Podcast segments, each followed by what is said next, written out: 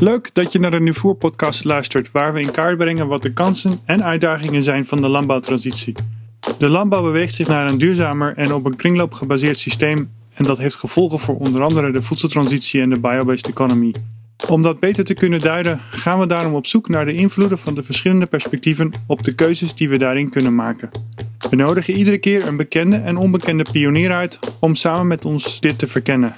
Wat speelt er? Hoe werken de dingen? Welke andere perspectieven zijn er? Hoe vertalen zich deze vervolgens naar de economische realiteit?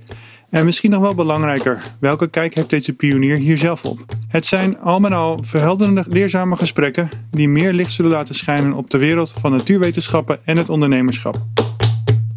We willen ook onze vrienden van uw sponsoren bedanken die deze editie weer mede mogelijk gemaakt hebben. Dat zijn Priva, Greenport West-Holland, Rechtstreeks, Gemeente Rotterdam en Laabloeien. Deze vrienden van Nuvoer ondersteunen de productie met een donatie, zodat jij deze gesprekken gratis kan beluisteren. Om te zorgen dat we meer pioniers in het voerlicht brengen, overweeg dan ook om een vriend te worden. Mail ons op info.nieuwvoer.nl voor de mogelijkheden. In deze editie gaan we met Cornelis Mosselman van Vooruitboeren in gesprek over de kansen en mogelijkheden die de omschakeling naar biologische strokenteelt met zich meebrengt. Cornelis deelt zijn ervaringen en ook hoe hij ervoor zorgt dat hij heel hard de omschakeling doorkomt. Is strokenteelt een vergezicht of is het gewoon een logische samenwerking met de natuur? Uh, voor nieuw voer nummer 14 uh, gaan we ontdekken wat erbij komt kijken als je een akkerbouwbedrijf om gaat schakelen naar een biologisch en op een kringloop gebaseerd systeem. Onze spreker is in 2018 al gestart met de omschakeling. Hij doet dat in Goeree Overflakkee en daar is hij bezig de toekomst met zijn poten in de klei vorm te geven.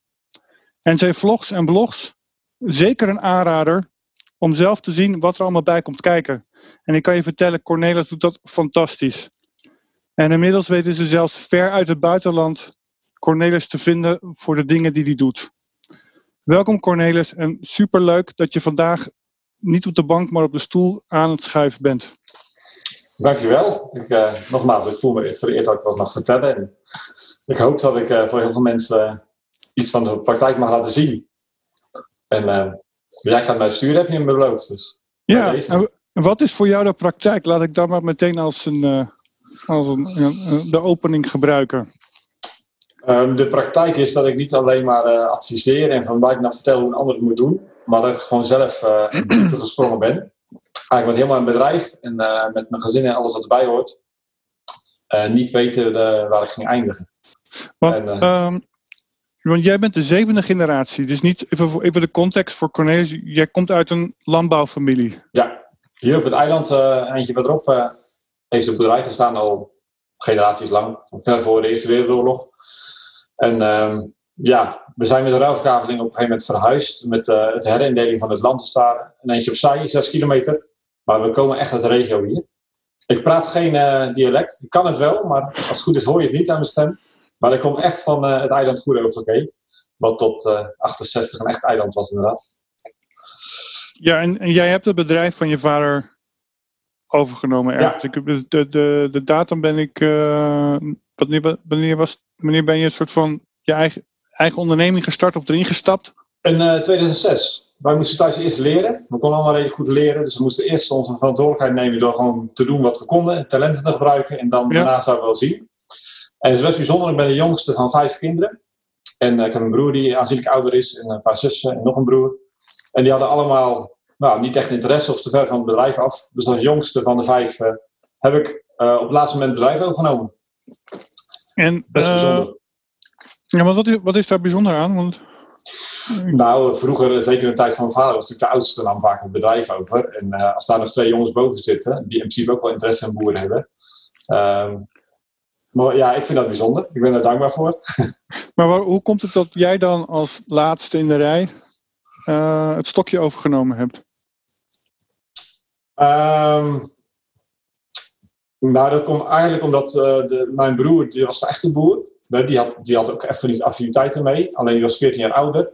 En die is langzaamaan uitgegroeid. Uh, die heeft een vrouw uh, getrouwd die echt nooit boerin zou willen zijn of kunnen zijn. geeft ze zelf toe. Dus uh, ja, weet je, en uh, langzaam door de jaren heen is die gewoon eruit gegroeid. Dus nu is gewoon ja, een paar keer op een jaar uh, poosje komen helpen en vind je dat leuk. maar goed, die is programmeur en die heeft een totaal andere baan. En ehm, ja, op een gegeven moment dan is het wel een flinke stap om weer even naar, ja, met je voet in de klei te gaan staan, in de modder, zoals jij het noemt. Vanaf Ja. een gewoon een standaardbaan waar, waar je weet waar je aan toe bent. En ehm, ja, ik, eh, voor mij stond de toekomst nog open. Dus ik ben het avontuur aangegaan. Ja, en, dat is, en, dan, en sinds 2006, dus Ja. hoe lang geleden is het alweer? Bijna 20 jaar Ja, geleden. Nee, 14 jaar. Ja, ik vind het ook eh, ongelooflijk. Ik heb nou bij werknemers van eh, net 20. Ik voel me echt net zo jong als zij zijn. Maar ik zijn, zij zien mij als een beetje oudere man. Dat is heel confronterend, is dat. Ja, aan de andere kant, het houdt je jong, toch? Ja. ja. En dat maar goed, het maakt ook wel... ehm, ik zeg wel regelmatig, wat ik nu doe, moet je echt niet doen als je net van school afkomt. Want je gaat zo vreselijk veel leergeld betalen dat, eh, dat het wel eens veel te veel leergeld kan zijn. Dus ik heb een stukje ervaring opgedaan de afgelopen 14 jaar, waardoor ik nu sta waar ik nu sta. Ja, en, en voor, even voor de context. eh 2018 heb jij de keuze gemaakt, eh, het is klaar. Ehm, en in 2013 moet dat nieuwe bedrijf op, op biologische principes eh, staan en, en lopen. Ja, dat Dus je, hebt je, vijf, 2023. je hebt je vijf jaar de tijd gegeven. Ja, 2023. Nou, eigenlijk is de Ja. achtergrond eh, iets daarvoor nog belangrijker. Ik heb 2006 overgenomen. Eh, Ja. We hadden een gemengd bedrijf met melkkoeien. Ehm, achteraf, waar we 30 jaar geleden vandaan komen, dat had een ideale uitgangssituatie geweest, die boerderij, voor wat ik nu wilde. En regeneratief met dieren en uh, akkerbouw om elkaar heen. Goed, dat was 30 jaar terug. Eh, ik had niks, niet zoveel met de koeien, dus die heb ik eh, weggedaan. Die zijn naar de buurman gegaan. Die heeft daar eh, ruim 200 koeien melkt hij, iedere dag. Ehm, en ik ging grootschalig akkerbouw doen. Want rond die tijd, rond 2006, dachten we zo moest het. Dus wij gingen, ik ging samen met andere jongen doen. We gingen land huren, samenwerken met veehouders. We gingen heel veel uren per dag werken.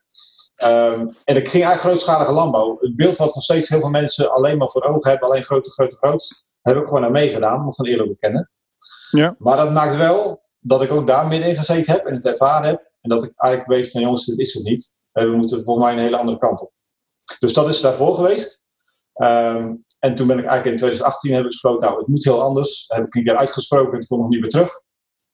Toen had ik nog een belangrijk excuus voor mezelf, want ik denk dat kan financieel niet. Ik had een bedrijf wat net een beetje draaide en toen kwam de bank, eh, moest ik gaan vertellen wat ik ging doen. Nou, dat ging natuurlijk niet passen in een plaats.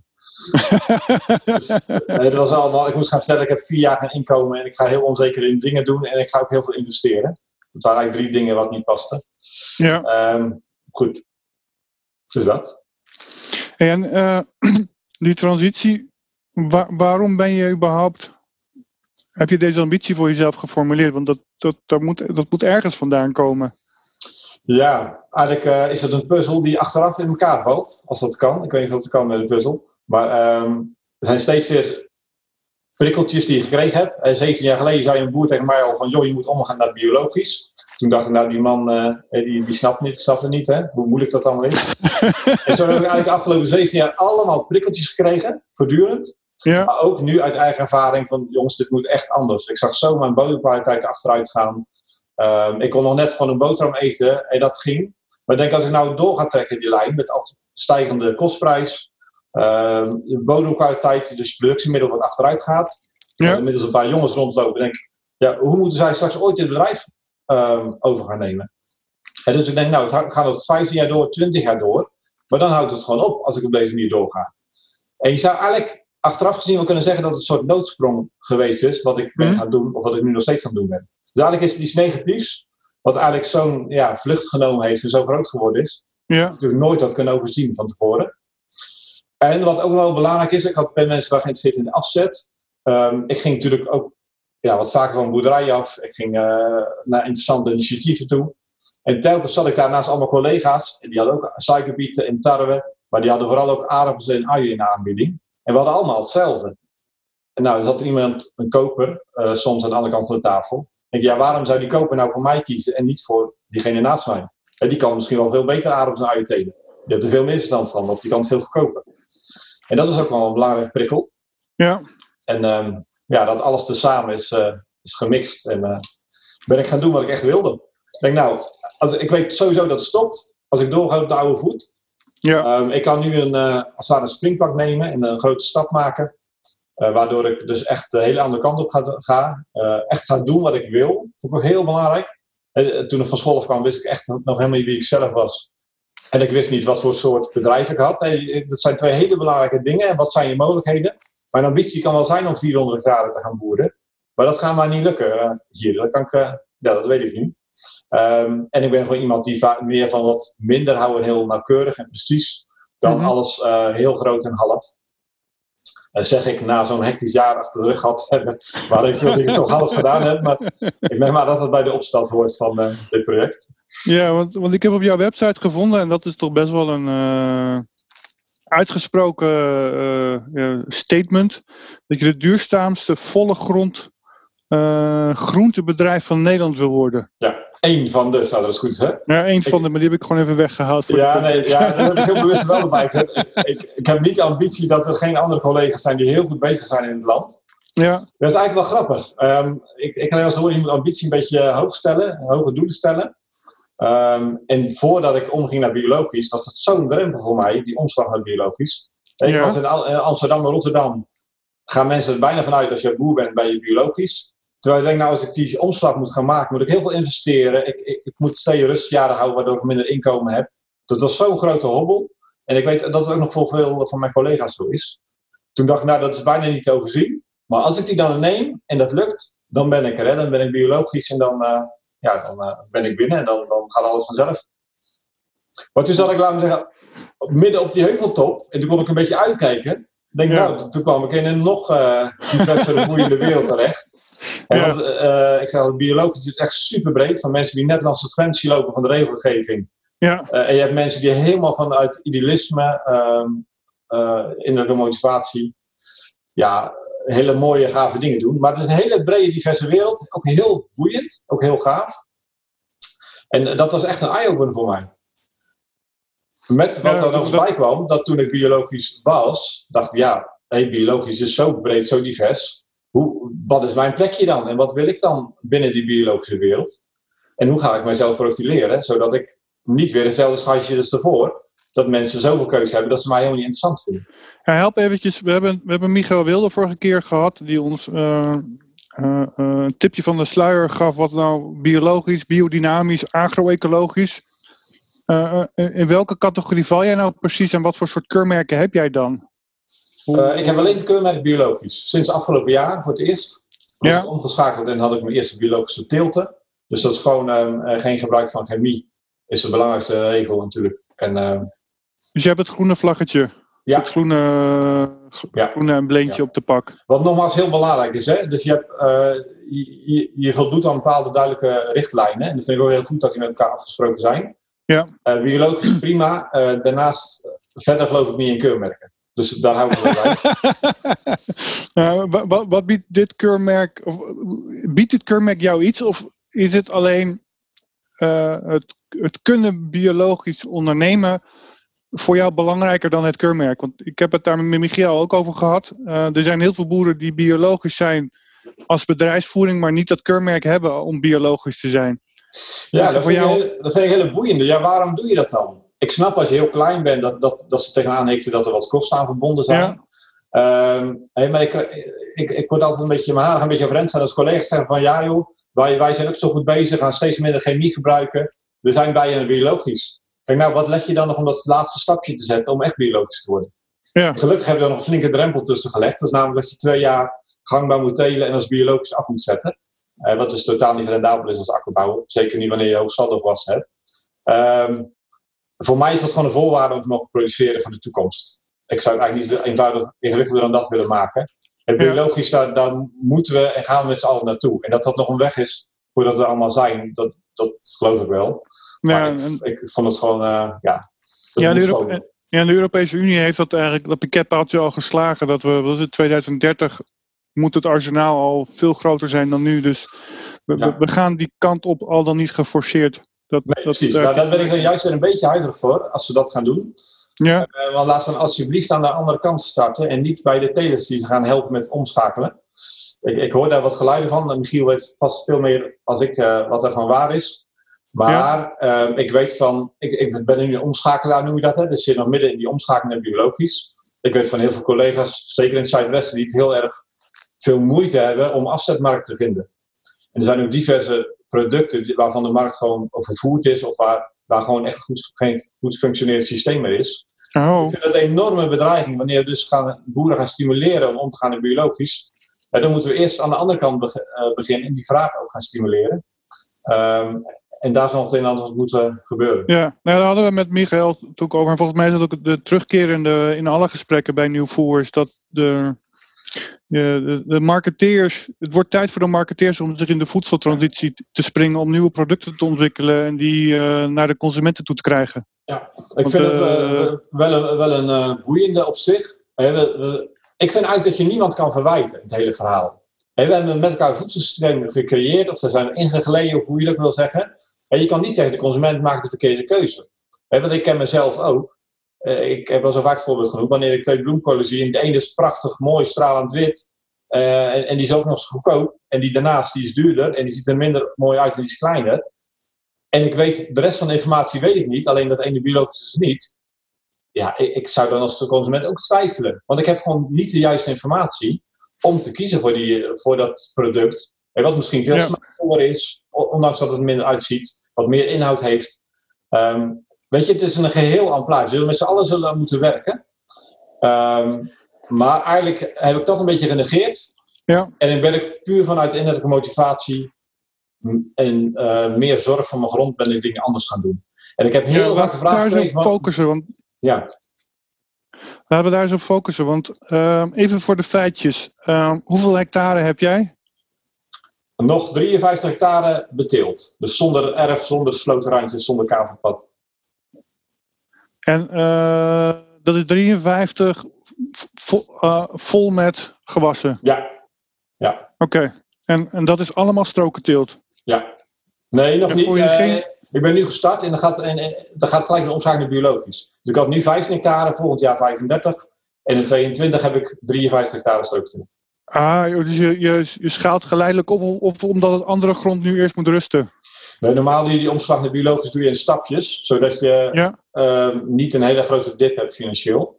En het leuke Ja. is dat ik eigenlijk heel vaak hoor dat mensen eenmaal gestart zijn en willen ze er vijf jaar over doen of zes jaar. Uiteindelijk zijn ze toch sneller gaan doen. Dat was bij mij dus ook zo. Ik ging er eh, eh, vier jaar of vijf jaar over doen. Ik heb nu verkort tot drie jaar. Maar eenmaal komt zit je erin, dan denk je dan gaan we toch maar. Want ja, toch die kosten Ja. heb je eenmaal. Dus dan gaan, dan gaan we maar vol. En dan, dan bouw je vanzelf de ervaring op wat, Ja. wat je eerste, pilot, je eerste plot gedaan heeft. Dat Ja. kan je natuurlijk veel sneller uitrollen naar dat komt, wat, Ja. wat komt. Ik was van een jaar super blij dat ik echt maar 15 hectare had. Anders had ik er echt niet overzien. Omdat zoveel alles nieuw was. Ja. Eh, ik heb plannen gehad om mijn boerderij hier te verkopen waar ik nu zit. En eh, ergens anders naartoe te verhuizen. Een biologische boerderij te kopen en daar gelijk te starten. Ja, Ehm, daar heb ik echt serieus over nagedacht. Ik ben echt zo blij dat ik dat niet gedaan had. Dat het een grote fout had dat geweest. Zo'n totale andere manier van werken. Zo'n omslag is dat. Ja. Hè, en iedereen dacht, nou heb je twee jaar van, van rust. Hè, twee, twee jaar rust gewassen. Wat ga je dan doen? Ik heb Ja. eigenlijk nog nooit zo druk gehad als de afgelopen drie jaar. ehm, met Maar alles te- wat uitgevonden moest worden, wat nieuw was. Ehm, ja want eh, eventjes voor degenen die eh, niet zo diep in de landbouw zitten. Wat is strokenteelt? En, en, en, en, in dat hele breedte, welk deel zit jij? van strookteelt bedoel je? Ja, want dat is, het is, het is inmiddels een containerbegrip. Alles is inmiddels een strook. Ja, en we hebben Simone eh, de Koekoek langs gehad. Ja. Nou, die zitten hele kleine strookjes, pixels. ja, pixels, dat is nog eh strookteelt in een kwadraat. Eh, prima als we dat doen, hè? alleen als je daar een bouwplan of een teeltplan moet gaan maken, wordt het super complex. Ja, dus, dus- strookteelt weten we al niet zoveel als je daar een plan wil gaan maken. Als je Ja. pixelfarming gaat doen, dan weten we eigenlijk bijna niks. maar wat dus is strokenteelt bij Cornelis? Wat, moeten we daar, wat, wat, wat voor beeld moeten we daarbij hebben? Je moet zo eh, voorstellen dat ehm, een paar droge jaren achter de rug. 2018 was ook heel droog. Dus stond op één veld van mij van 7 hectare, dus van 70.000 vierkante meter, stond eh, aardappelen. Eh, op het moment dat die bloeien kun je heel mooi verschillen in grondsoorten en ondergrond zo zien. Wanneer die aardappels waar een bloemetjes in zitten. En toen zagen we met een drone, eh een neef van mij vloog met een drone, toen zag hij allemaal lijntjes erin. Die ik, maar ook mijn vader totaal niet thuis konden brengen. Van wat zou dat nou geweest zijn? We dachten, zou het drainage, het gleuven van een drainagelegmachine geweest zijn? Of, of wat is dat nou? En toen kwamen we eigenlijk tot de conclusie dat dat de oude perceelsindeling was. Want heel vroeger maakten ze de akkertjes een beetje rond. En daarna schroeven ze greppeltjes zodat het water naar die vultjes liep. En zo Ja. naar de sloot. Eh, maar door, daardoor een stuk in de grond zitten eh, roeren. En die lijnen die zag je nu terug.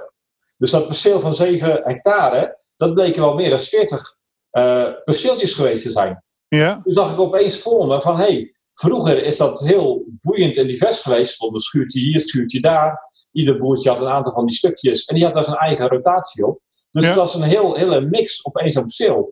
En nu was het op perceel van 7 hectare wat ik eigenlijk te klein vond. Om, ik denk nou, één gewas. Het kan wel 7 hectare, maar eigenlijk is het helemaal niet efficiënt. Om, om maar zo'n klein perceel te hebben. Ja. En aan de andere kant van de dijk, eh, die daarnaast ligt, er zitten boeren die schreven naar 30 hectare monocultuur in één stuk. Dus 30 hectare van één gewas, minimaal. Dat is eigenlijk wat ze graag willen.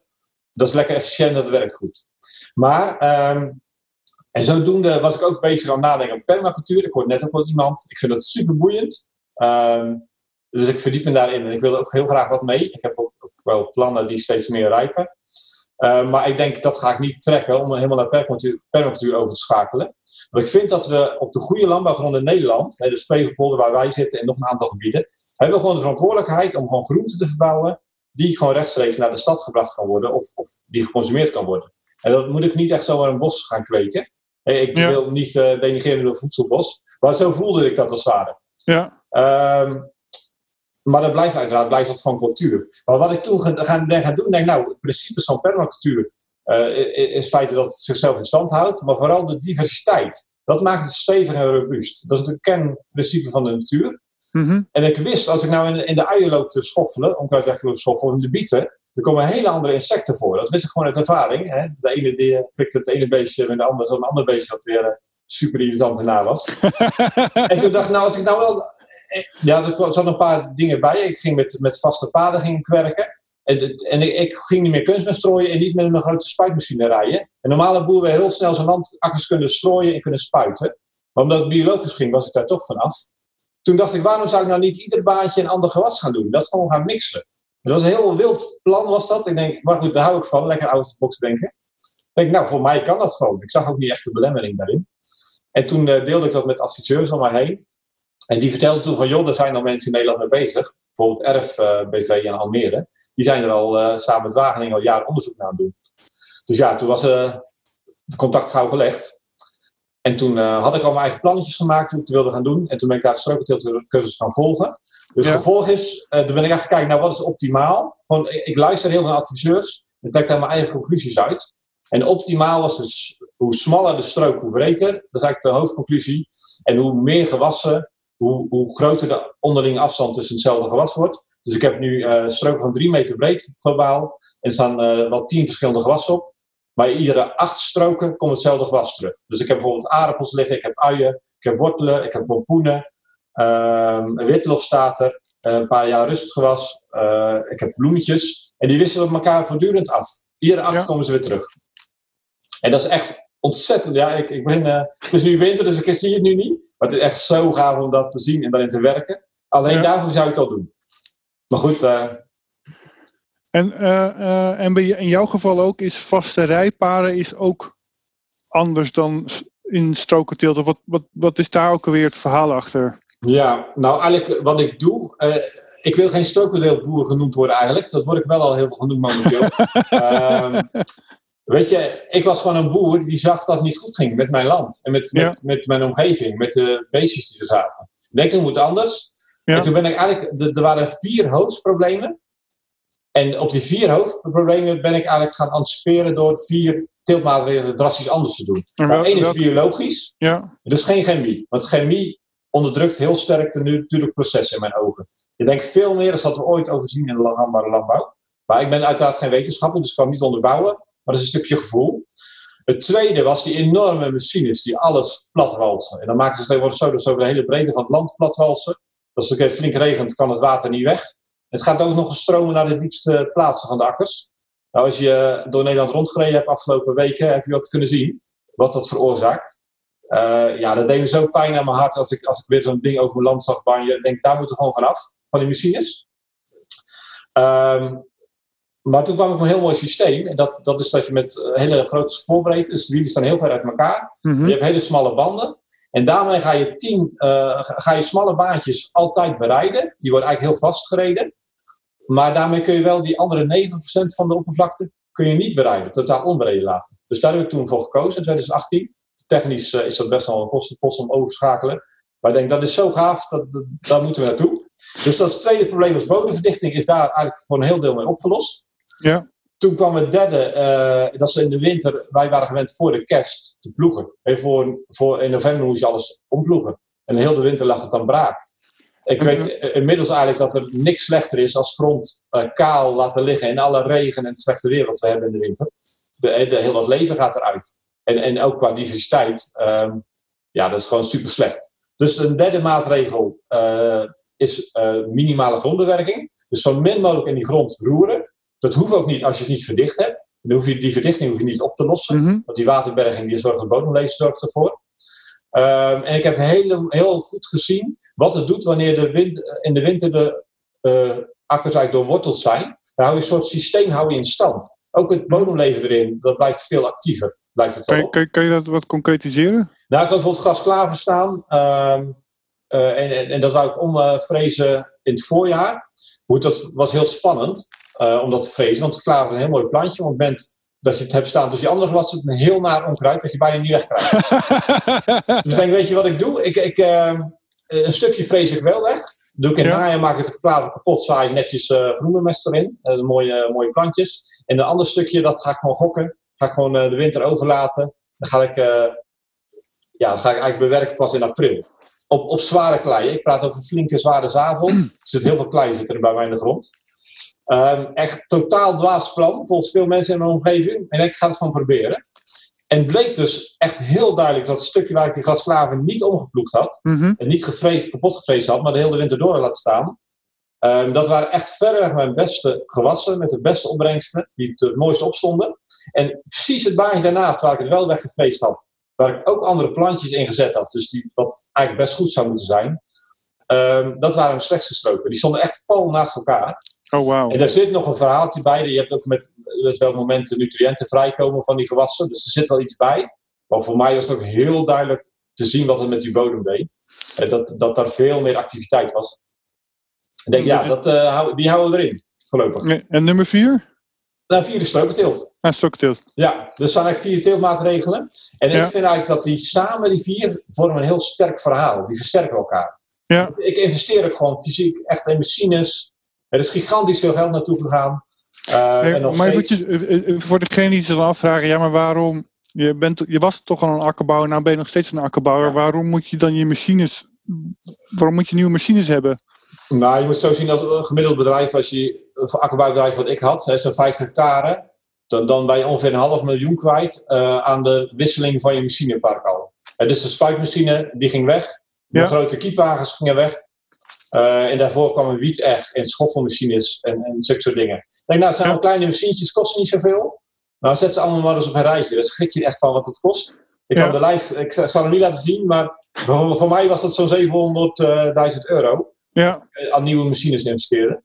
En dus dat is- voor mijn gevoel nog best netjes. Ik maakte geen gekke keuzes op grote machines. maar dat is wel interessant, Cornelis, want dan betekent eigenlijk dat als je dus, net als jij zegt, joh, de toekomst is biologisch, dat heeft impact op die vier punten die je net noemde.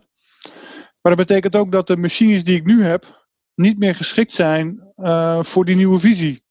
Nee. nee. Dat klopt, ja. Weet je, hadden, ik ging een omgeslagen cursus doen, toen ik biologisch wilde. Toen vertelden ze ook van, joh, onderschat dat niet. Want er komen heel wat kijken ook op het gebied van machines. Ja, En als ik nu kijk achteraf en wat ze me daar vertelden, ja, dan zat het er heel dichtbij, bij wat het me daadwerkelijk gekost heeft. Ik moet wel zeggen, er is diversiteit. Dus hoe verder je Zeeland heen gaat, die mensen die willen vaak alles zelf doen. Ehm, en die doen alles low budget. Heeft ook Ja. te maken met de gewassen die ze telen. En ga je naar het Flevopolder, dan maakt het soms nog veel bonter als ik doe. Ehm, de- dus ik zie mezelf als een redelijk mooi gemiddelde. Maar dat is wel gewoon de realiteit. Maar ik moet eerlijk zijn, ik, ik ging om naar biologisch. Ja. Eh, ik ging vaste rijpaden doen, dus ik had aangepaste trekker. Ik ging machines daarop aanpassen. Dat heeft wat extra gekost. En ik wilde absoluut niet meer de loonwerker bij mij op land hebben. Met zo'n grote machines. Dat ik afhankelijk van hem was. Dus ik ben alles in eigen mechanisatie gedaan. Dus vroeger liet ik eh, planten of ik liet eh, rooien. Dat Ja. ben ik nu zelf gaan doen. Dus Ja. je mag gerust weten, totaal ging dat ver over een miljoen heen. Wat mij aan mechanisatie gekost heeft. Maar dat is niet alleen naar biologisch. Dat is dus ook die rijpaden. En dat is ook de strokenteelt. En eigenlijk alles wat nodig is voor wat ik nu doe. Maar dat, dat- ja, ik ging een eigen oogstmachine ontwikkelen voor die rijpaden. Ehm, nou, dat is iets wat me best wel flink geld gekost heeft. Maar er was niemand in Nederland die dat ging doen.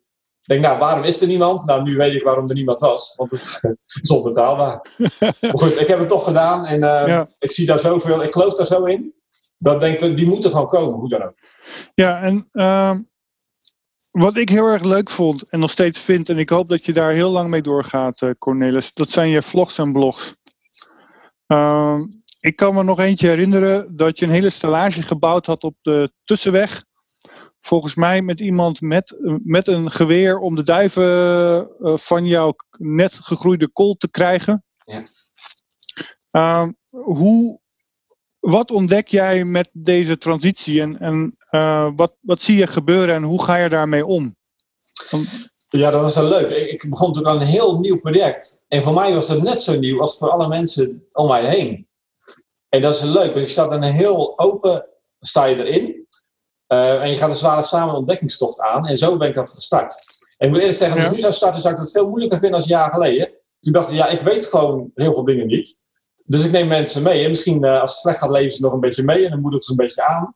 Um, en anders is het gewoon gaaf. Dus um, ja, ik heb denk wel een hele open houding. Gewoon in alles wat ik doe. En ik vond het gewoon leuk om mensen daarin mee te nemen. Dus ik had helemaal geen doel om veel kijkers te krijgen. Maar ik weet wel de mensen die geïnteresseerd zijn. Um, of die keken, die waren super geïnteresseerd. Dus dat was heel leuk was dat. Ja. Um, wel intensief achteraf denk je, hoe heb je dat ooit nog erbij gedaan? Ik werk mezelf drie slagen in de rond. Ik heb nog eens filmpjes lopen maken.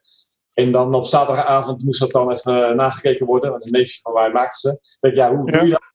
Maar achteraf, het ligt wel nu voor altijd vast. En het is zo gaaf. Hey, over, over een paar jaar lach ik hier heel hard om. Um, ik vind dat je jezelf daar te niet in doet, uh, Cornelis. Want het is ontzettend educatief. Ja. Ik denk wel, je bent van gangbaar, even traditioneel, uh, wat, we, wat, we, wat we leren op de boeren agrarische hogeschool. Uh, ben jij die switch gaan maken en jij ontdekt, uh, ik, weet of je nog een, ik, weet nog een filmpje over die, over die spinnen.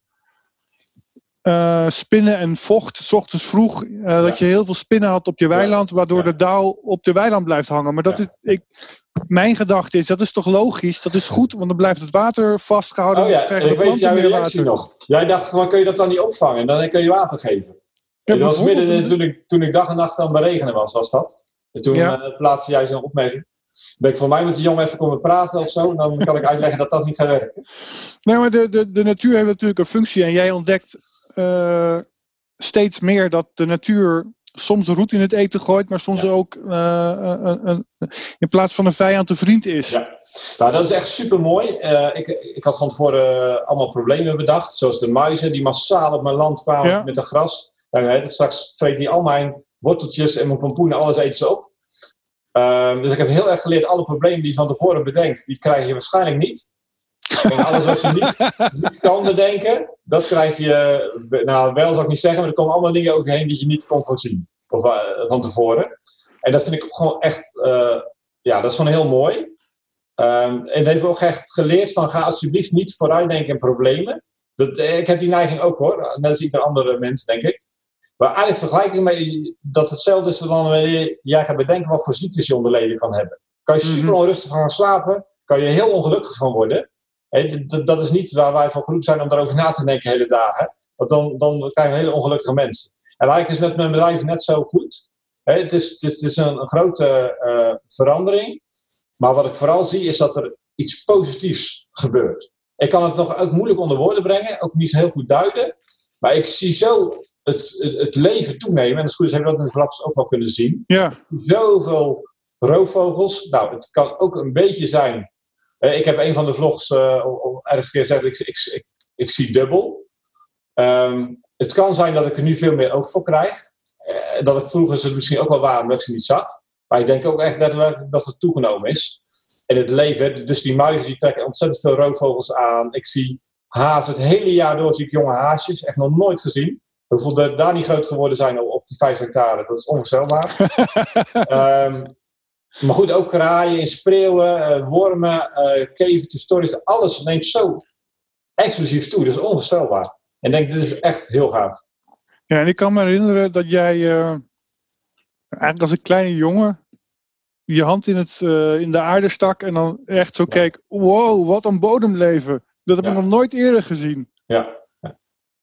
Nou ja, ik kan alleen maar zeggen dat, dat was in het begin van het seizoen was het dan vanwege de omschakeljaren. En eigenlijk is het nog steeds zo, zelfs nu in de winter. Iedere keer als ik mooi akker loop, word ik blij als ik naar beneden kijk. Ik zie, ik, ik zie land wat kaal ligt. Had eigenlijk had de ingezaaid moeten worden, maar is niet gelukt omdat ik een beetje achterliep met de feiten. Maar ook zelfs daar zie ik zoveel leven in zitten, uh, zodat er nooit water op mijn land kan blijven staan. Dat is, dat is gewoon onmogelijk. En als er bij mij water blijft staan, dan, uh, ja, dan verdrinkt heel Nederland lang. Net staat bij mij ook water. maar uh, weet je, ik liep achter de feiten aan. Uh, ik was biologisch, dus ik kan niet op alle manieren sturen. En ik ja. zag gewoon dat die, dat die natuur voor mij aan het werk ging. Dus die natuurlijke processen die, die opbloeiers waren, die gaan aan de slag. En die, ja, dat is gewoon zo mooi om te zien. Daar word ik ook, nog steeds, daar word ik zo blij van. Ja. Maar dat is ja, raar? Hoe bedoel je? Nou ja, dat, dat, dat, dat, dat, dat het enige wat je hoeft te doen is eigenlijk een soort van hout op het vuur te gooien ja. en de natuur werkt voor jou. Ja, nou in feite uh, zie ik nu op dit moment zo dat we altijd, wanneer je cultuur hebt, de natuurlijke proces aan het onderdrukken bent. Dat doe ik ja. nu nog steeds. Hè? Dat wil ik ook gewoon duidelijk. Ik, ik doe dat nog steeds. Anders moet ik geen vrees pakken om mijn grond uh, onkruid weg te vrezen. Dus ik bewerk het nog steeds. Uh, maar ik geloof dat ik het nu in een hele lichte mate doe en minimaal. De onderdrukken van natuurlijke processen. En in de gangbare landbouw doen we het heel zwaar. En bij mij extreem veel te zwaar. En dan kom ik toch weer terug op die punten. Dus chemie, bodemverdichting, um, ploegen en, en, en, en uh, monoculturen. Dat zijn voor mij de, de kernproblemen, de kernoorzaken ervan. En die maken het uh, dat je in een systeem zit wat voortdurend achteruit boert. En um, door wat ik nu ingezet heb, gaan we vooruit. En dat zie ik eigenlijk per direct gebeuren. En dan zegt iedereen zei tegen mij van joh, dat duurt acht of tien jaar voor je, voor je harde onderlaag weg is. En ja. dan ben ik weer zo eigenwijs, want juist dat prikkelt mij. Van nou, dan ga ik laten zien dat het ook in vijf jaar kan. Maar dan moet je wel consequent dingen anders doen. Dus, dus uh, dan kan het ook in vijf jaar. En ik heb dus nu ben ik drie jaar onderweg. En ik heb ook mensen van het Louis Bolk Instituut en andere langs gehad. Die zijn best wel uh, zeer tevreden over hoe het eruit ziet. En ik ben nog met drie jaar onderweg nu. En dan, dat is ongeloof of is dat echt respect van, ja, zie je wel, de theorie zegt dat het kan en Cornelis laat gewoon zien dat het kan? Ja, een beetje een mix van, denk ik. Maar goed, dat, dat heb ik weer, dat past bij mij als persoon. Ik ben natuurlijk iemand die heel. Als je ergens voor gaat, ga je er voor volle 100% voor. Ja. Maar ik, ik hoor net ook iemand die benieuwd was naar economische perspectieven, uh, motieven. Uh, of of, of uh, perspectief, geloof ik. Um, weet je, ik, heb net verteld dat ik heel veel geïnvesteerd heb hierin. Ik heb een deel van mijn boerderij verkocht om dit allemaal mogelijk te kunnen maken. Um, dus ik ging ergens voor. Maar ik geloof er wel in, dus wanneer je dan voor het maximale rendement eruit wil halen van je investering, dan moet je ook maximaal uh, daarvoor gaan. Dus wanneer je, als, als praktisch voorbeeld, je hebt rijpaden. Er zijn best wel boeren in Nederland die gebruiken dat systeem wat ik gebruik van die vaste spoortjes, gebruiken ze alleen in het voorjaar. En in de winter heeft dat dan gerust en dan tussen die spoortjes zaaien ze de gewassen. Maar de grootste boosdoener is de oogst. Wanneer al die kilo's en die grote volumes van je land af moeten, dan komen die grote machines en die enorme kiepwagens. En dat zijn de verwoesters van het boerenland. En vroeger was dat van de bovengrond. Tegenwoordig zijn ze zo groot, dat ze tot een meter diep alles verdichten. En dat is gewoon ja, hoe we een gigantisch probleem aan het creëren zijn met z'n allen. Uh, dus ik denk, nou, ik kan het alleen het voorjaar doen, dan investeer ik wat. Als ik nou twee keer zoveel investeer, dan kan ik het een jaar rond doen. Ja. En nu is dus voor volgend jaar mijn doel om als eerste boer in Nederland van mijn grootte alles vanaf die vaste rijpaden te oosten. En dat uh, lijkt te gaan lukken. Alleen het heeft me wel een lieve tijd gekost. Maar nogmaals, uiteindelijk op de lange termijn geloof ik dat dat terugkomt. Maar dat is wel een boodschap die ik heel duidelijk mee wil geven. De kosten gaan gewoon ontzettend voor de baten uit. Ik geloof dat er superveel kan. Ja. Uh, het is vooral in die omslag, het maken van die omslag, dat is heel prijzig. En, en ja, dat is ook wat, wat een enorme drempel is voor de boeren. Maar als ze ja. eenmaal die omslag gemaakt hebben en je ziet wat er allemaal gebeurt, uh, ja, dan, dan geloof ik dat niet helemaal zelf kunnen. Dan zullen we nog steeds een hogere prijs nodig hebben als dat je nu normaal gangbaar krijgt. Ja. Maar dan, dan kun je voor de normale biologische prijs kun je heel veel doen. En dan heb ik nog een vraag. Uh, ga jij straks ook drones inzetten? Uh, wil je een eerlijk antwoord? Ja. Ik ben uh, wat minder enthousiast geworden over techniek afgelopen seizoen. Hey. Want zoveel mensen uh, denken met techniek de, op, de, de wereld te kunnen redden, als het ware. Ja, ja ik had, ik, had, ik heel sterk, natuur moet, moet, ondersteunend zijn aan je teelt, aan de natuurlijke processen. En, en wanneer we massaal door mensen verzonnen dingen gaan omarmen, dan creëren we ergens een ander probleem. Heel filosofisch wat ik nu zeg, maar dat is echt heel duidelijk hoe ik het zie. Ja. Nou ja, ik, zeggen, ik zou bijna zeggen, daaraan sluiten de Big Little Farm. Hoe daar, dat is eh, net, net beetje, heb je die al wel eens gezien, de Big Little Farm? Ja, zeker. Hij ligt hier achter me in de kast. Ik kan hem zo pakken. Ja, dat is, echt, nou, dat is echt een aanrader. Want die, daar zie je ook in. Zeven jaar hebben die er volgens mij over, over gedaan om een hele uh, uh, land. En dat was, dat was kaal, er groeide niks op. Om het helemaal terug te brengen naar een oase. Volgens mij was het vier, 400 hectare, dus volgens mij een stuk groter. Dat weet ik, ja, ik hoop het niet voor ze. Want er zijn ook boompjes bij. Als het 400 hectare was, dan hoop ik dat het grasland was of zo. Maar dat weet ik niet. Nou, maar dat is wel een van mijn inspiratiebronnen geweest. Ja. Wat, wat, wat viel jou op toen jij die keek? Eén ding. Ik kreeg kippenvel. weet je wat mij opviel? Nee. Dat was dat alles er super gelikt uitzag. En er allemaal van die mooie witte hekjes kwamen. Je denkt, dit, dit heeft heel veel gekost wat ze daar doen. Dus ik, mijn, de enige vraag die ik had, hoe doen die mensen dat daar? Hè? Hoe krijgen ze dit gefinancierd? Want dit kost vermogen, dat is onvoorstelbaar. Ja, ze hebben een, ze hebben een, uh, een durfkapitalist gevonden, filantropisch, die het geld erin afgestort heeft. Ja, daar ben ik dus ook achter gekomen. Dus toen dacht ik, nou, dat is mooi, dan moet ik ook naar een investeerder op zoek. Ja, dus ja, dat is voor mij een hele belangrijke inspiratie geweest. Maar ik zag alleen maar denken, jongens, dit heeft zoveel gekost. Dat is nooit economisch recht te rekenen. Uh, dat, dat, weet ik niet precies met hun Cornelis. Want uh, ze hebben wel de korte keten, uh, maar dat is California. Die willen allemaal rechtstreeks van de boer eten. Ja, Nee, dat wel. Om aan te geven even, het is een inspiratiebron geweest, maar um, het riep gelijk ook heel veel vragen op. Ik zat zelfs ook van hoe moet ik dit gaan doen? Hoe moet ik dit gaan financieren? Dan gaan met de bank gaat dat niet lukken wat ik doe. Dus uh, zo nee. was een inspiratiebron. En hebben ze mij ja. Even, dan, pak ik even, dan pak ik even twee vragen uit uh, die, ik, uh, die er hierin zitten. Um, hoe kijk jij, heb jij wel eens een business model canvas gedaan voor jouw consumenten?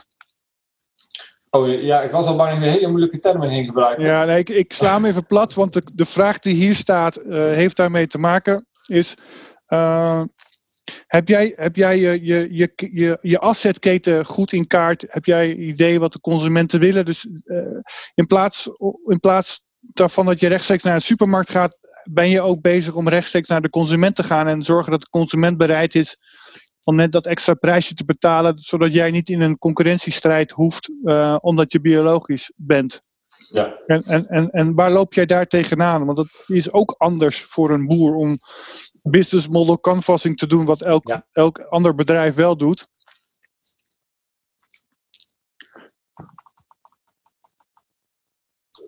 Oh, sorry, ik zou denken aan mijn scherms. Uh, die term die kwam ergens bekend voor. Uh, dat heb ik ergens gehad bij een van de training. Het antwoord is eigenlijk ja en nee. Ja. Uh, ik ben begonnen zonder markt. Ik had niks geregeld qua markt. Tot nee. afgelopen april, toen moest ik nog gaan starten met mijn assetmarkt zoeken. Ja. maar ik was zo druk met al het andere, daar kwam niet van. Dus mensen verklaren me echt helemaal van gek. Hè? Want normaal start je bij je markt, je gaat kijken waar de vraag is en dan ga je dingen doen. Nou, en tegelijkertijd is het niet helemaal het eerlijke beeld. Ik, ik ben wel van mijn eigen boerderij afgegaan. En mijn tip aan jonge ondernemers is ook van ga uit je eigen kringetje, uit je eigen cirkeltje. En ga de boze grote wereld in, hè, naar Rotterdam of Amsterdam of waar dan ook. En ga daar de wereld ontdekken. En ja. dat heb ik gedaan. Dus ik heb wel geproefd, hè, in, in Amsterdam bijvoorbeeld op fietsje rondgereden, van waar gaan we naartoe? Dus dat, dat wist ik. En ik denk, nou, wat ik doe, dat gaat mooi in het plaatje passen, want die kant gaan we op met z'n allen. Dus ja. het grote plaatje wist ik, maar ik had nog helemaal niks geregeld. En iedereen zat maar te zeggen, joh, alsjeblieft, leg het vast van tevoren en verkoop het. Dus ik heb uh, code vastgelegd om uh, rode kool en witte kool te verkopen in mijn witlof.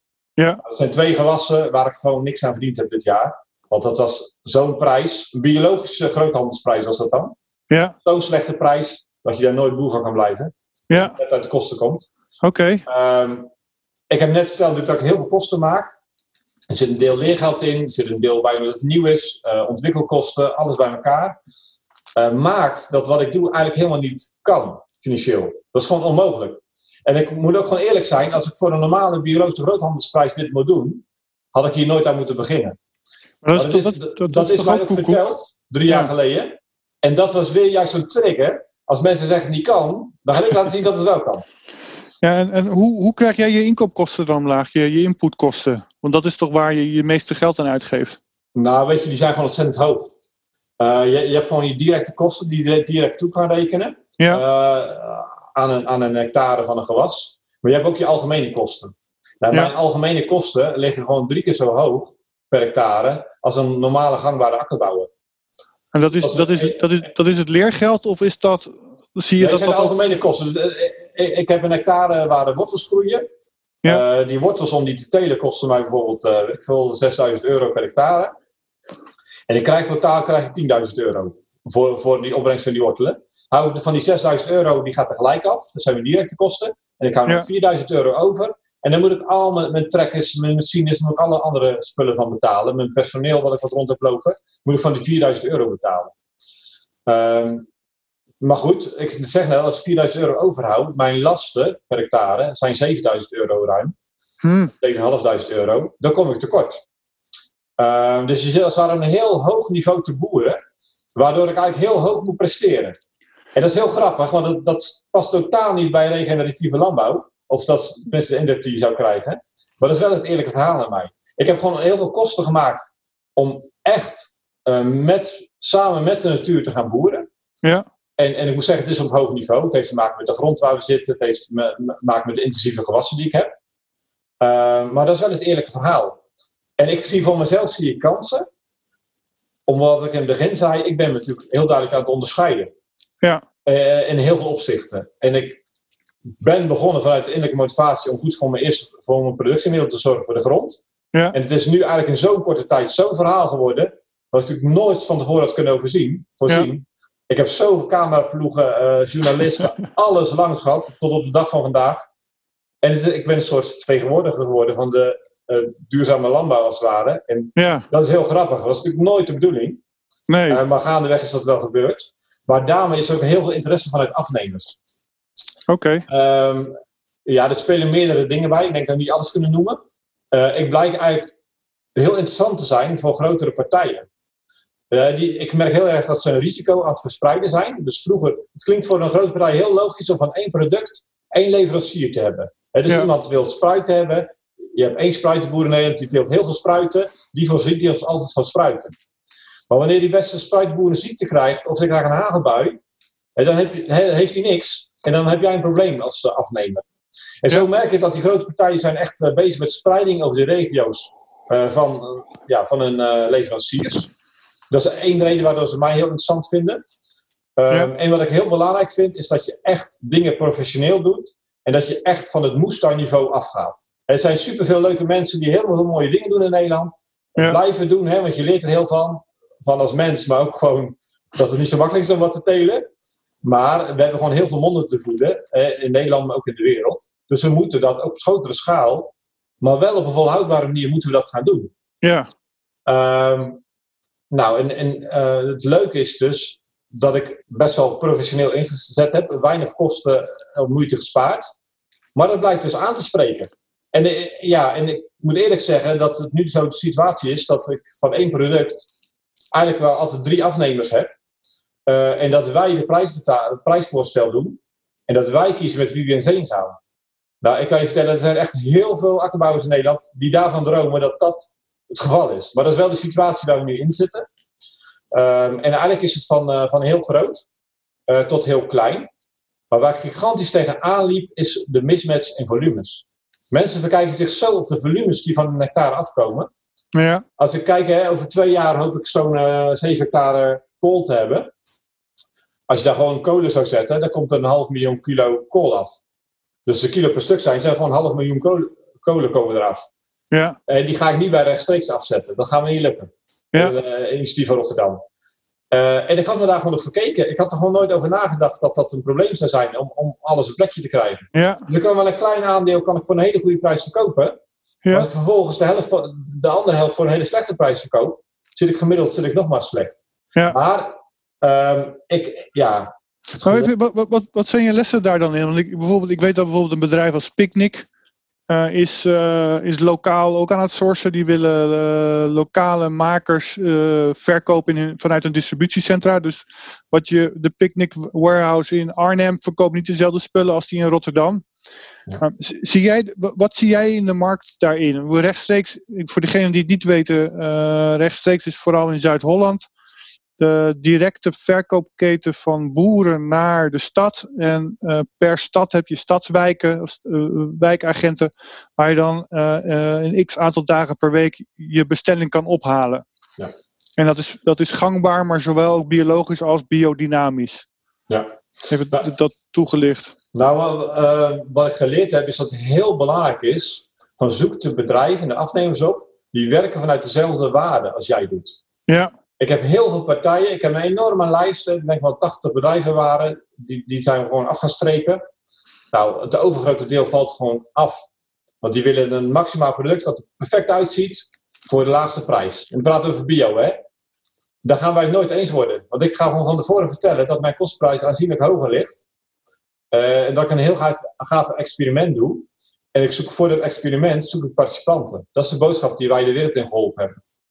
En er zijn er dus een aantal zijn zo stoer dat ze dat spannende experiment dus aangaan. En dat is eigenlijk een hele grote supermarktpartij in Nederland. Uh, dat is mijn beste afnemer nu. En ik had, als je mij een jaar geleden verteld had, had ik dat nooit geloofd van je. Ja. Maar die zijn zo stoer dat ze voor een hele goede prijs al mijn producten afnemen. En dat ze zeggen van kijk maar in het schap wat er ligt. En dat mag jij voor ons gaan telen. En wij nemen het af. Mag jij, mag jij zeggen wie het is? Uh, nog niet. Ik heb vandaag nog contact over gehad. Maar goed, het is van een grote in Nederland. Die een hele slechte naam heeft. En iedereen roept erover. Ik heb daar ook, ik heb daar ook over meegeroepen. Uh, ja. En ik doe het nu niet meer. We hebben heel veel telers van hun geweest. Die allemaal heel enthousiast waren. Uh, maar goed, nou. ik, vind, ik vind het gewoon stoer. Want zij, uh, zij zeggen niet alleen van... joh, we willen duurzaam. Ja. Maar ze, ze, ze, ze, ze voegen de daad ook bij het woord. Maar, Zij bepalen een fors hogere prijs om, om mogelijk te maken wat ik doe, als het ware. Is dat dan ook een soort van true pricing? Een soort van de, de, de, de, de, de echte waarde die jij, die biologisch biedt, die zijn zij bereid te betalen? Nou, voor zover als het mogelijk was, zijn wij gewoon alle kosten in kaart gaan brengen. Ja. Uh, en die zijn we een rijtje gaan zetten en dan komen we op die kostprijs uit. En dan ja. willen we ook nog eens een marge hebben. En ik ga ja. ook nog eens het in kratjes stoppen en afwegen. En daar willen we ook een marge op hebben. Dus dat is gewoon helemaal open, transparant. Ja. En dan zeggen nou, dit kost het ons. Dus eigenlijk, als je, als je het zo zegt, is het true pricing. Alleen een normale teler van hun, die krijgt dat niet. En de ja. normale bio-groothandelsprijs, die, die zal nooit die prijs betalen die ik eigenlijk nodig heb. Ja, en die korte ketens wel. En het boeiende is dus dat dat een kanaal is waardoor mijn product anoniem in de supermarkt ligt. Zonder verhaal erbij. Je kan niet zien dat het van mij is. Maar zij zijn wel, ze betalen de hoogste prijs. En zij zijn mijn belangrijkste participant. Ja. De hele korte keten die vertellen het verhaal wel. Hè. Hoe, hoe, hoe, korter het wordt tot ultrakorte keten, dan kun je dat verhaal vertellen. En daarom, daarom wil ik ook via hen leveren, want daar geloof ik in. Ik geloof dat die verbinding weer tot stand moet komen. Ja. Alleen, alleen met die kleine partijen ga ik het niet redden. Want dan, heb ik, dan, dan kom ik gewoon nooit rond. Uh, economisch niet, maar ook producten kan ik gewoon simpelweg niet kwijt. En dat was niet... echt een hele spannende zoektocht. Waarbij ja. ik eigenlijk nu kan vertellen, nou, voor de komende jaren is dat gewoon geregeld. En daar ben ik gewoon super dankbaar voor. Ja. Tegelijkertijd um, moet ik heel eerlijk zijn, maakt het zo dat het verhaal van mij niet op grote schaal door te trekken is. He, want want ik, ik ben een pionier, ik loop heel erg voor. Dus okay, en, we hebben een, en, we hebben een, en we hebben één Cornelis, dus die is niet te repliceren natuurlijk. Nee, nou, ik wil niet zo gemoedig zijn. Maar weet je, ik, ik wil wel benadrukken dat gewoon de landbouw in het algemeen en de verduurzaming ervan gaat mij heel erg aan het hart. Ja. Ik heb best wel eens negatieve reacties van mensen die zich aangevallen voelen. Omdat ze bang zijn dat ze gedwongen worden hetzelfde te gaan doen als wat ik doe. Ah. Maar ik wil eigenlijk het eerlijke verhaal de wereld in helpen. Dat ja. eigenlijk helemaal niet kan. Maar ik wil ook laten zien van als je het wel gaat doen, wat er dan gebeurt. Je krijgt blije boeren, je krijgt blije mensen, blije omgeving, eh, blije ja. beestjes in je land. Ja. Je krijgt iets wat floreert. En dat, dat is voor mij ook regeneratief. Hè. Ik kan ook discussiëren, ja. wat is regeneratief? Regeneratief is iets wat verbetert en wat opbloeit. Nou, dat, ja. is, dat is niet meer te ontkennen, dat is heel duidelijk gaande. Ja. En, en, en, ik wil het verhaal vertellen, nou, als we met z'n allen die kant op willen, wat zijn de gevolgen? Ja. Nou, de gevolgen zijn dan dat er echt serieus meer geld uh, naar die boer toe moet. En maakt me niet uit waar vandaan. Maar die boer, er zijn heel veel die echt wel bereid zijn om wat te gaan doen. Om ook grote stappen te zijn. Ja. Maar ze kunnen gewoon simpelweg niet Maar echt, zit er vast. echt anders gaan Ja. doen. Ja. Want jij, jij kon nog je land verkopen, maar dat, die luxe heeft niet iedereen. Nee, ik, ik, heb verkleind. En eh, ik zei net al, ik ben iemand die meer focust op wat minder. En eh, dat was land op afstand, waar de ganzen voortdurend alles opvraten. Ik denk, nou straks ga ik biologisch en dan vinden ze helemaal alles lekker. Want zit dat vieze smaakje er nog eens niet aan. Dus dan voel ik me meer ganshoeder als boer. Ja, En toen eh, heb ik eigenlijk voor mezelf gezegd van, joh, ik ga even makelaar spelen. Daar trek ik een jaar voor uit. En een hele complexe deal, die ik geen eens aan de makelaar uit kan leggen, een echte makelaar. Als dat lukt, dan heb ik voor mezelf geen excuses meer. En dan ga ik gewoon vol doen wat ik wil. En zo ben ik eigenlijk twee jaar lang, heb ik zonder eh, extra financiering, heb ik helemaal alle, allemaal lange termijn keuzes kunnen maken, machines aan kunnen schaffen. Ja, dat is natuurlijk super gaaf. En dat was En dan na twee jaar was het opdrachtgeld, moet ik eerlijk toegeven. Dat was een grote zak geld, maar die is gewoon op. Eh, en toen ben ik heel hard op zoek gaan naar een investeerder. Ja, want de bank die ging natuurlijk niet mee in mijn verhaal. Dus toen ben ik gaan zoeken naar een investeerder en die had ik ook vrij snel gevonden.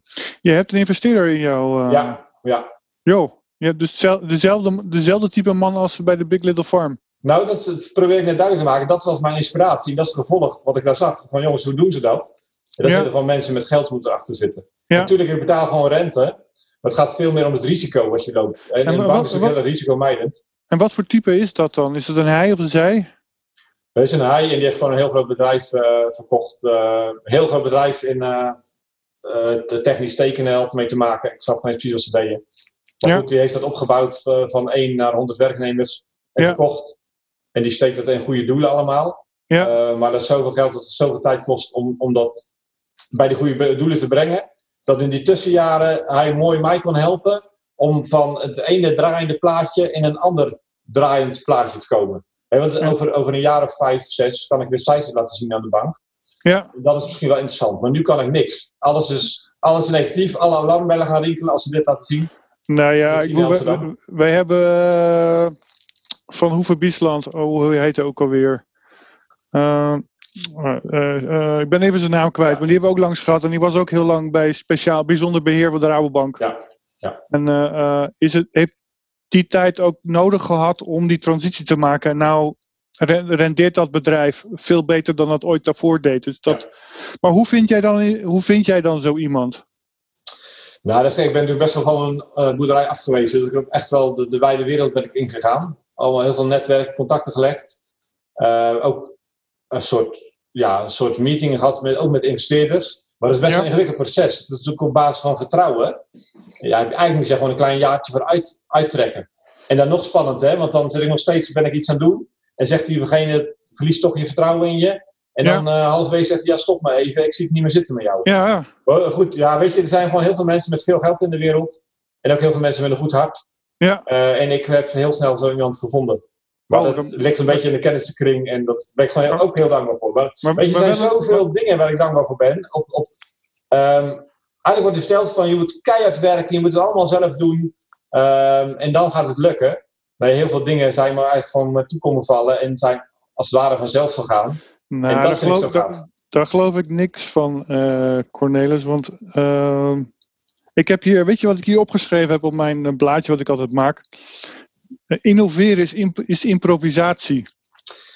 Ja, en en. Dus en die eigen verantwoordelijkheid, die ik dus heel duidelijk, heel bewust neem en er vol in ga. Ja, En, en, en het is gewoon, eh, ja, voor mij is dat eigenlijk heel veel mijn geloof samen, dat dingen gewoon gestuurd en geleid worden. ja, Nou ja, weet je, ik, ik heb lijstjes liggen, die kan ik je laten zien. Het is gewoon zo mooi hoe dingen meewerken en, en, en positief uitpakken.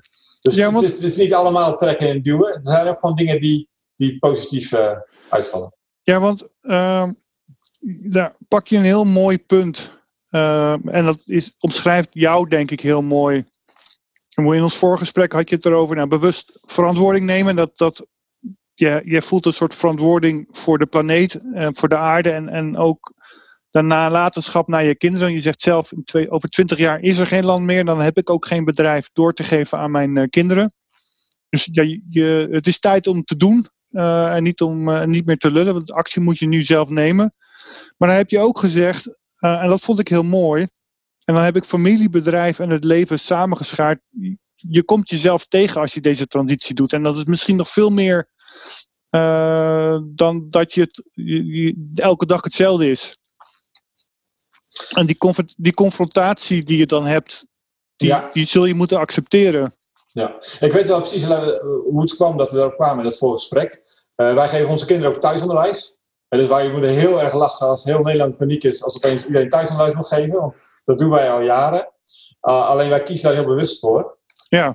Um, en ik kan je echt vertellen, dat is echt niet makkelijk. Dus ik snap die paniek wel die er heerst. En sommigen zijn er blij mee, maar in heel veel gezinnen is het gewoon drama natuurlijk. Ja. Ik snap dat. Um, en toch geloven wij daar heel sterk in en zijn dat gaan doen. Uh, en wij gingen onze kinderen alles bijbrengen. En wat is er nou gebeurd? En wij hebben zelf het meeste geleerd. In onze persoonlijkheid en wie we zijn. Maar ook onze zwakke kanten. Dat hebben we mhm. met name ontdekt. Wij hebben denk ik zelf als ouders veel meer geleerd als de kinderen. Um, en dan nog, ik vind het super moeilijk. Ik vind het veel makkelijker om een bedrijf te runnen dan om een gezin uh, te runnen, om zo maar te zeggen. Echt ook eerlijk in zijn. Um, en tegelijkertijd wil ik, wil ik het niet uit de weg gaan. Want er om me heen gaan is, is soms wel de makkelijkste weg. Ja. Maar niet de mooiste. Dus ik wil heel erg zeggen, we kiezen niet voor de makkelijkste weg, maar we kiezen wel voor de mooiste weg. En zo is eigenlijk in heel mijn leven, dus op privé-niveau, maar ook in het bedrijf. Ik kies natuurlijk echt niet de makkelijkste weg nu. Maar voor mij echt wel de mooiste weg. En ik zie wat er gewoon nu gebeurt. Ja, ik denk dat is het wel van waard. Het kost inspanning, het, het levert uh, soms frustratie op en moeilijkheden. Maar als je ziet wat, wat er gebeurt met je omgeving, met, ja, eigenlijk in alle aspecten. Denk, dit is zo gaaf, daar ga je voor. Uh, en, dan ben ik nog bij het volgende punt. Als je zulke soort dingen gaat doen, moet je wel echt heel erg goed intrinsiek gemotiveerd zijn. En begin er alsjeblieft niet aan anders. Want je gaat vroeg of laat, ga je afvallen of ga je stoppen. En ja. je gaat gewoon tegenslagen krijgen. En, en, en dat je echt met je handen in het haar staat van hoe gaan we hier nou weer om. Dat heb ik ook gewoon gehad. Maar wanneer je maar heel sterk gemotiveerd bent om voor iets te gaan. En dan ga je door. En ik geloof dat daar uh, gewoon de grootste veranderingen plaatsvinden. Ook bij mijn bedrijf, maar ook, ook ja, op andere vlakken in de wereld.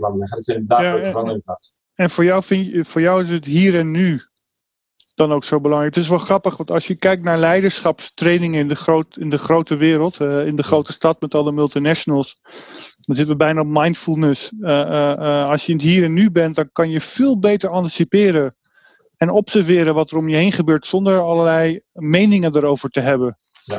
Ik heb zelf ooit impro theater gehad, de, de, dezelfde salama's. En dan ben ik, ik ben toen in een zone terechtgekomen uh, met mijn werk toen. En je, je observeert alles zo feilloos zonder dat je er een mening over hebt. Nou, dan gaat alles zoveel makkelijker. Ja, ja. Nou, weet je, het is wel mooi dat je het nu noemt. Uh, ik ben hiermee begonnen met dit experiment. Waarbij ik heel duidelijk wist dat het mis kan gaan.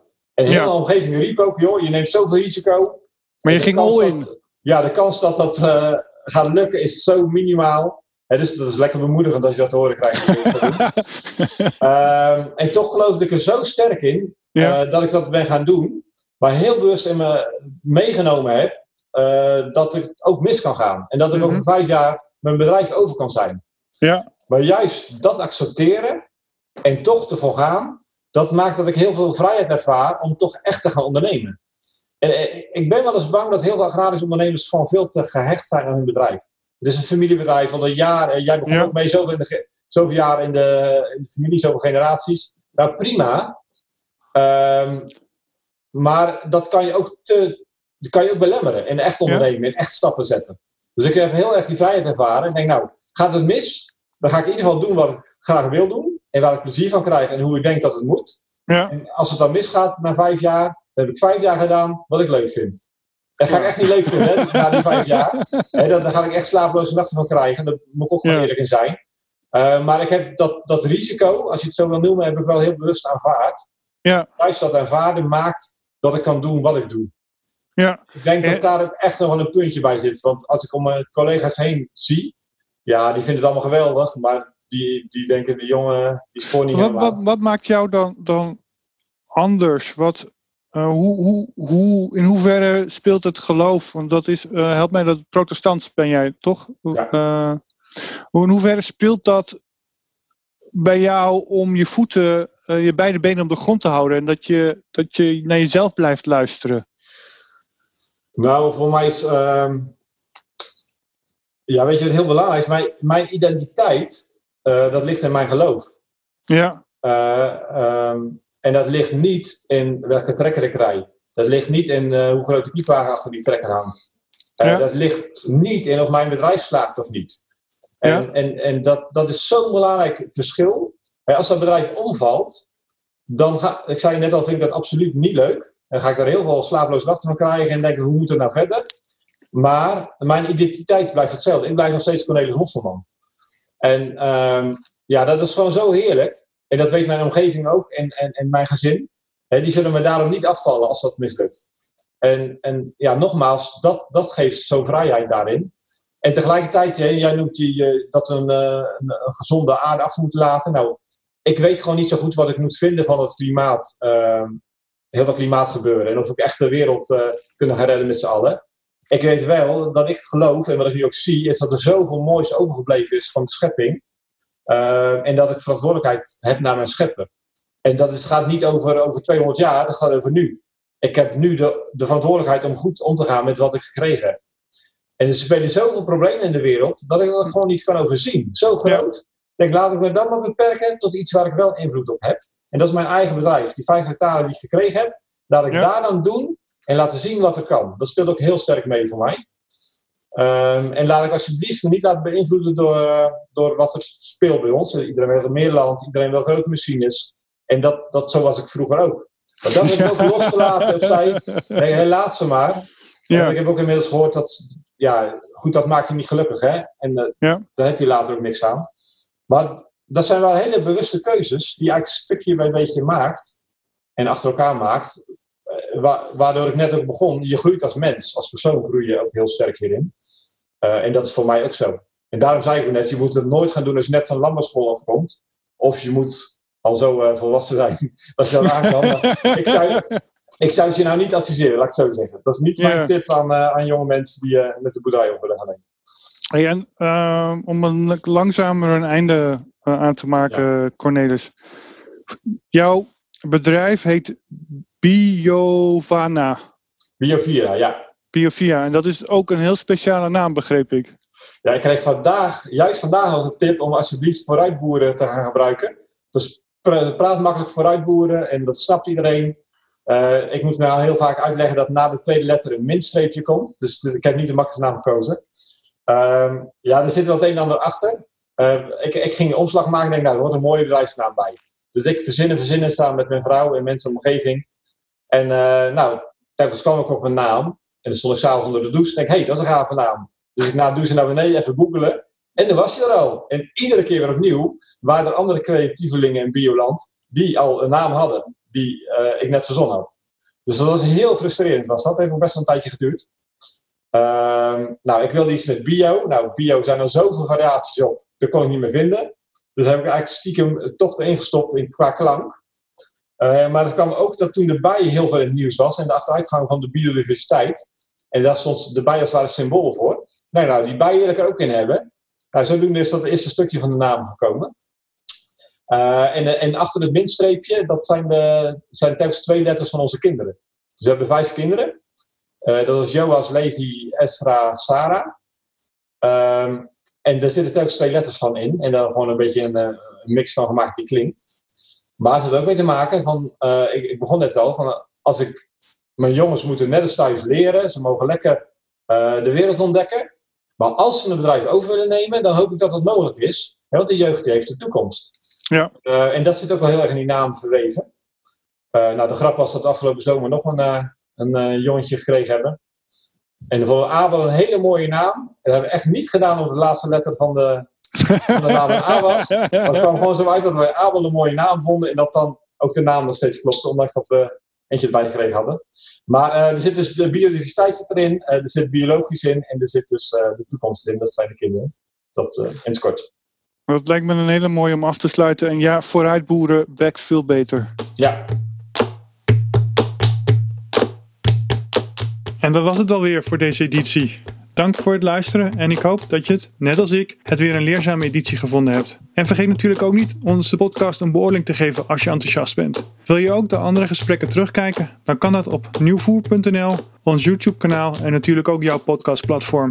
We kijken ernaar uit je een volgende keer weer te mogen begroeten. Tot ziens!